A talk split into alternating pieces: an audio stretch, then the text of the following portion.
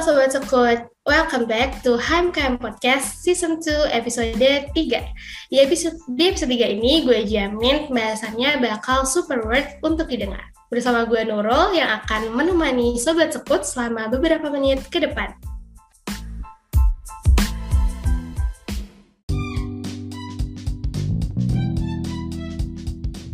Wah, nggak kerasa nih ya, udah sebulan lebih, bahkan udah hampir dua bulan ya, gue dan juga sobat sekut semua menjalani perkuliahan offline di kampus tercinta ini.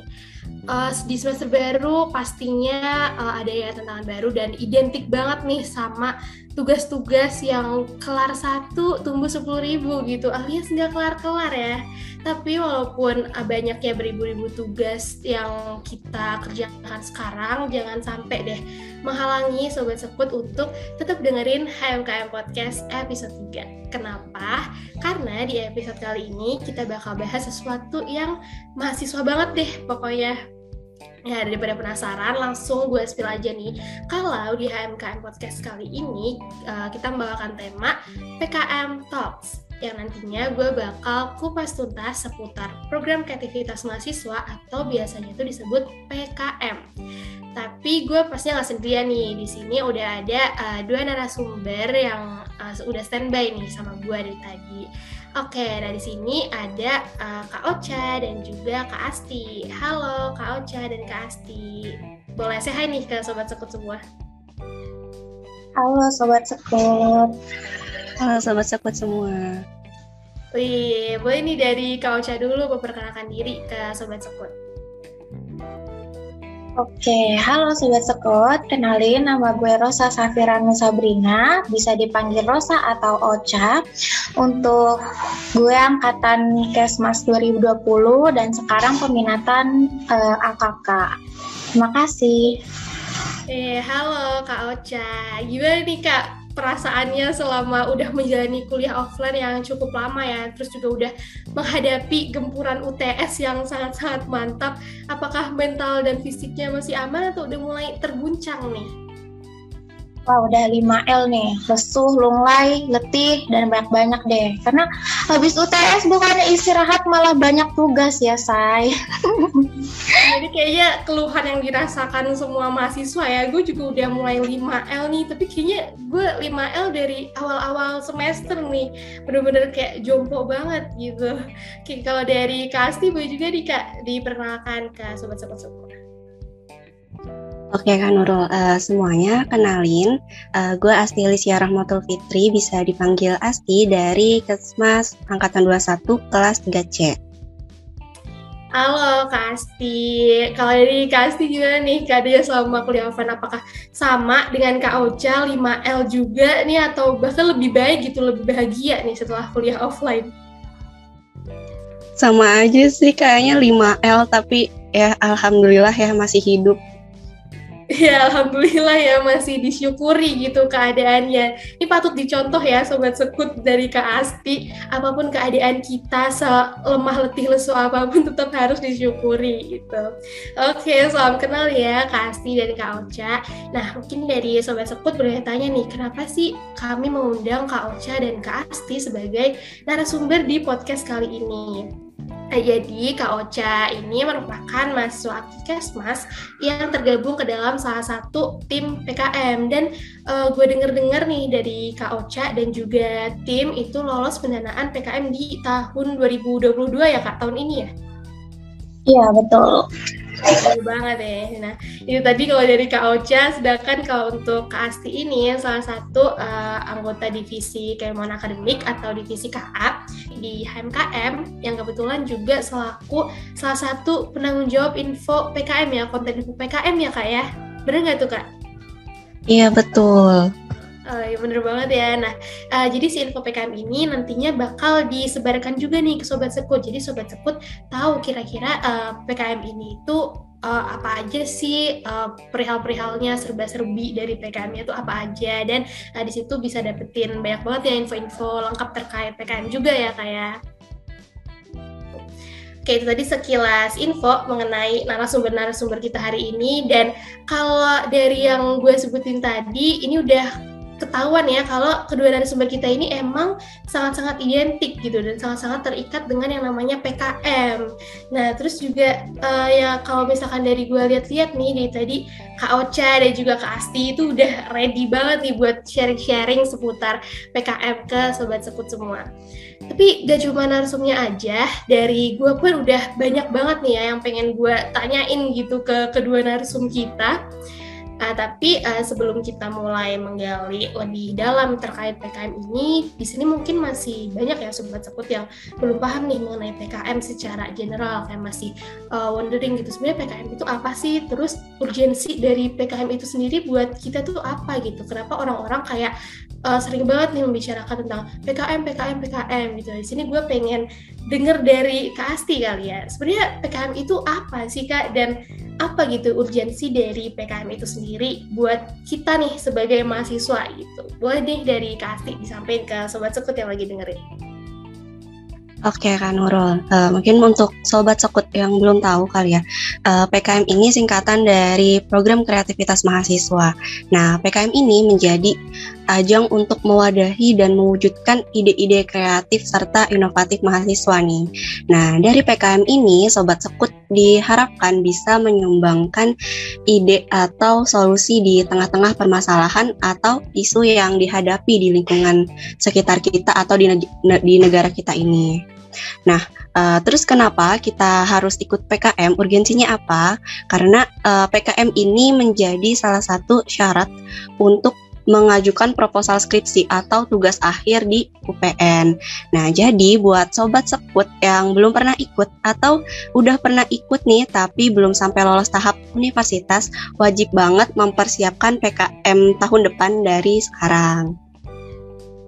Wih, itu ya Sobat Sekut. Jadi emang kita kudu wajib harus ya udah nyiapin PKM dari sekarang nih, sejak dini. Karena semakin awal juga semakin bagus gitu pasti nanti hasilnya. Itu ya Kak Asti ya.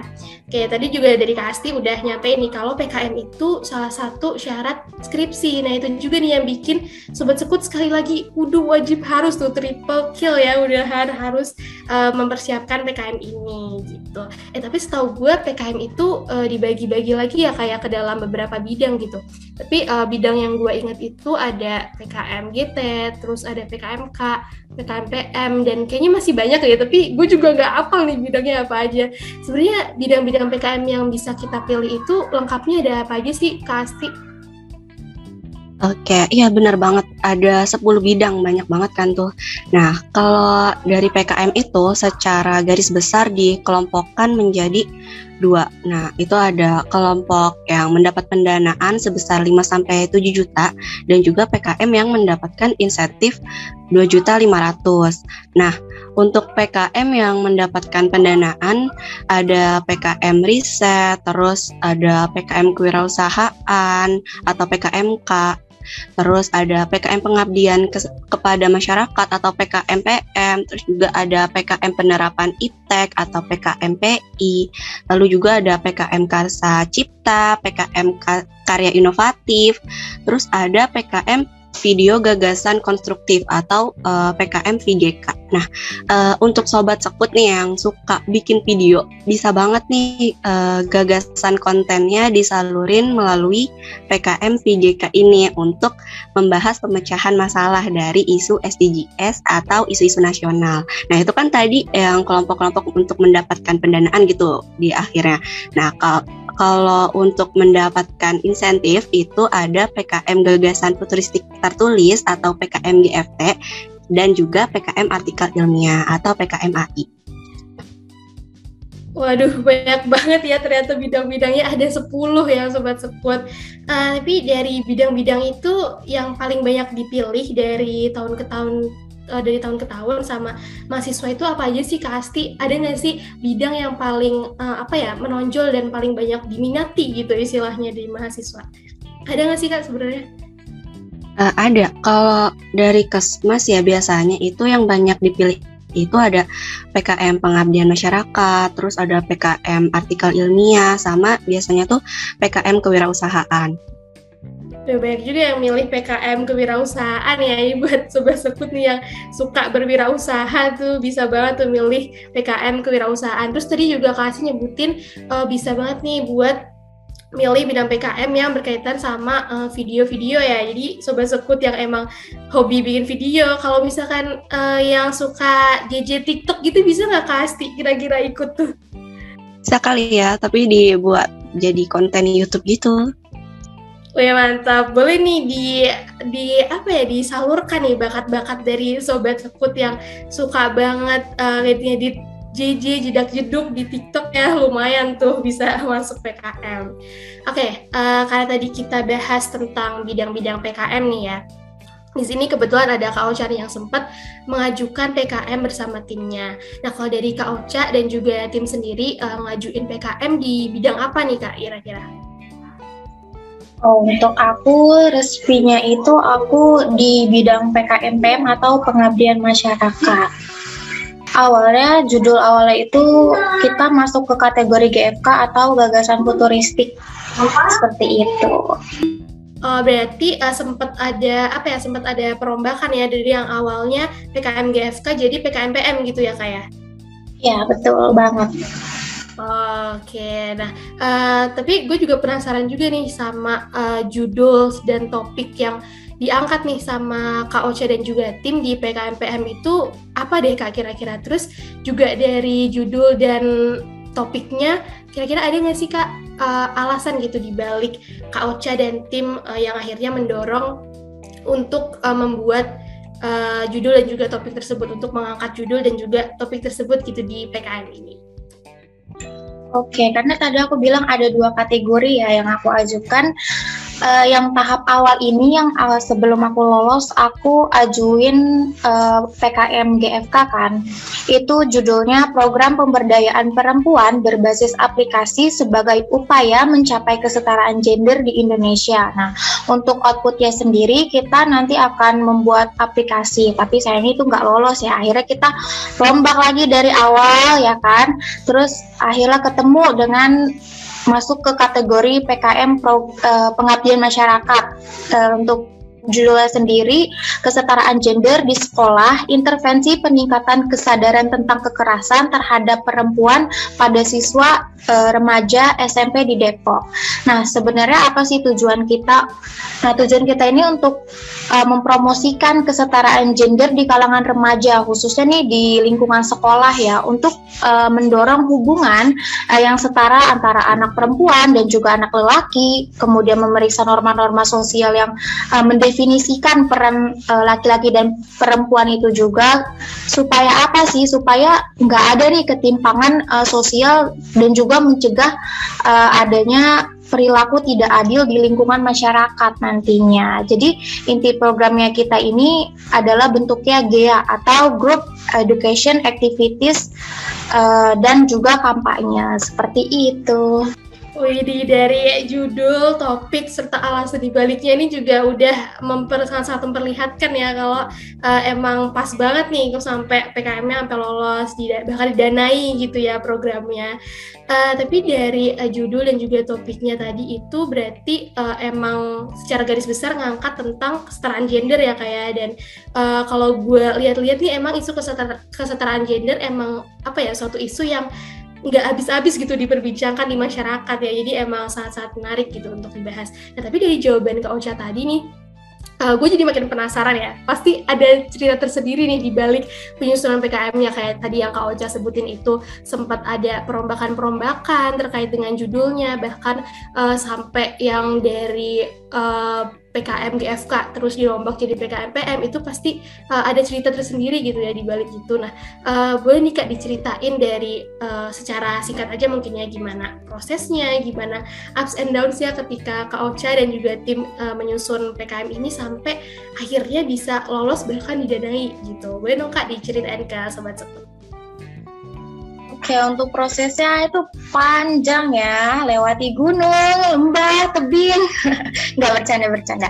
Jadi uh, kita emang benar melalui uh, tahap yang panjang karena uh, di awal kita buat ini kan pedoman resmi untuk tahun 2022 ini belum ada. Jadi acuan kita ini masih di 2021 dan juga berdasarkan uh, PKM-PKM di 2021. Jadi acuan kita itu. Kemudian uh, saat penyusunan uh, proposal juga uh, kelompok Eh, nggak uh, banyak eh nggak nggak dikit juga nih untuk melakukan uh, beberapa revisi. Mulai dari kategori PKM-nya tadi kan berubah kemudian uh, kita setelah revisi dapat ya PKM PM dan juga uh, dirasa cocok PKM PM ini uh, kami uh, mengajukan kembali dan akhirnya lolos kan alhamdulillah. Kemudian kami uh, merealisasikanlah program-program yang sudah disusun di proposal itu mulai dari survei ke lokasi mitra. Nah mitra kita kan uh, institusi pemerintahan ya sekolah ya sekolah SMP